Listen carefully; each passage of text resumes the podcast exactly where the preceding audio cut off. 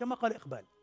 قال الكتاب الذي أنزله الله ليغير به العالم أمة محمد هجرته ها وادخرته لساعة فراق الدنيا.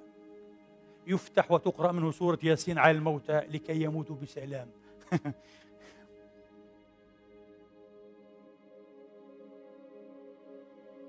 عاشوا في فوضى وماتوا بسلام صعب جدا. تعيش فوضويا تموت فوضويا. موتك عبثي كحياتك العبثية. عش بمعنى والقرآن هو أبو المعنى وأمه. قلب المعنى. ستموت بإذن الله ولموتك معنى. ستموت ولموتك معنى. كتابي. تحفظه؟ صعب يا أخي. يتفلت. تقرأه؟ هل لك معه ومنه ورد يومي؟ وبمناسبة الورد نصيحة من أخ. محب مشفق. وأقسم بعزة الله. جربوا أن يكون لكم ورد يومي مع كتاب الله. افتتحوا به يومكم بالذات بعد صلاة الفجر. أقسم بالله ستتغير حياتكم أقسم بعزة الله ستتغير حياتكم يتغير إيمانكم يتغير كل شيء فيكم. هذا الكتاب قوة أكثر فاعلية وجبروتا مما تظنون يا إخواني. هذه كلمات الله يا إخواني. فيها بركة لا تتخيلونها. وفي البداية أقول لك هذا القرآن ثقيل. إنا سنلقي عليك قولا اصحى.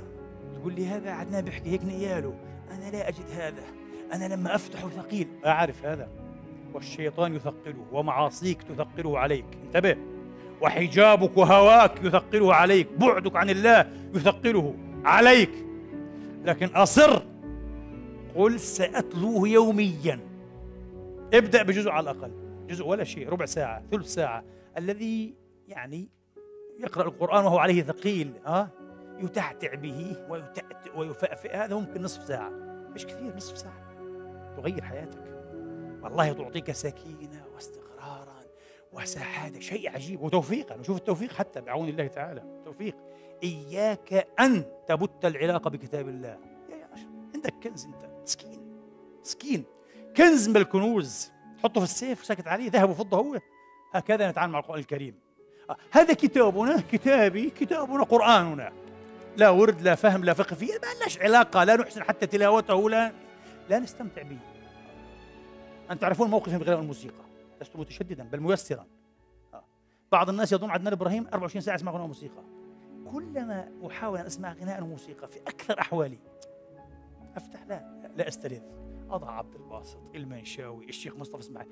آه. يستجيب القلب والبدن والشعر والبشر وكل شيء. أجمل ما سمعت أذن الوجود. كلام الله والله يا إخواني أقسم بالله. تعودوا تعودوا فقط أن إيه تستلذوا بسماعي وخاصة من هذه الأصوات الصيطة الطيبة كالذين ذكرت هؤلاء العباقرة. شو عبد الباسط ومنشاء ومصطفى إسماعيل. قمم!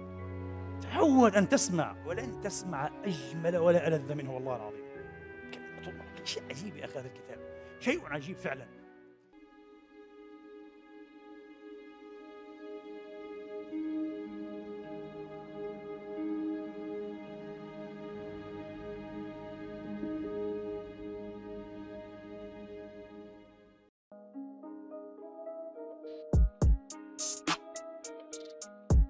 Podcast.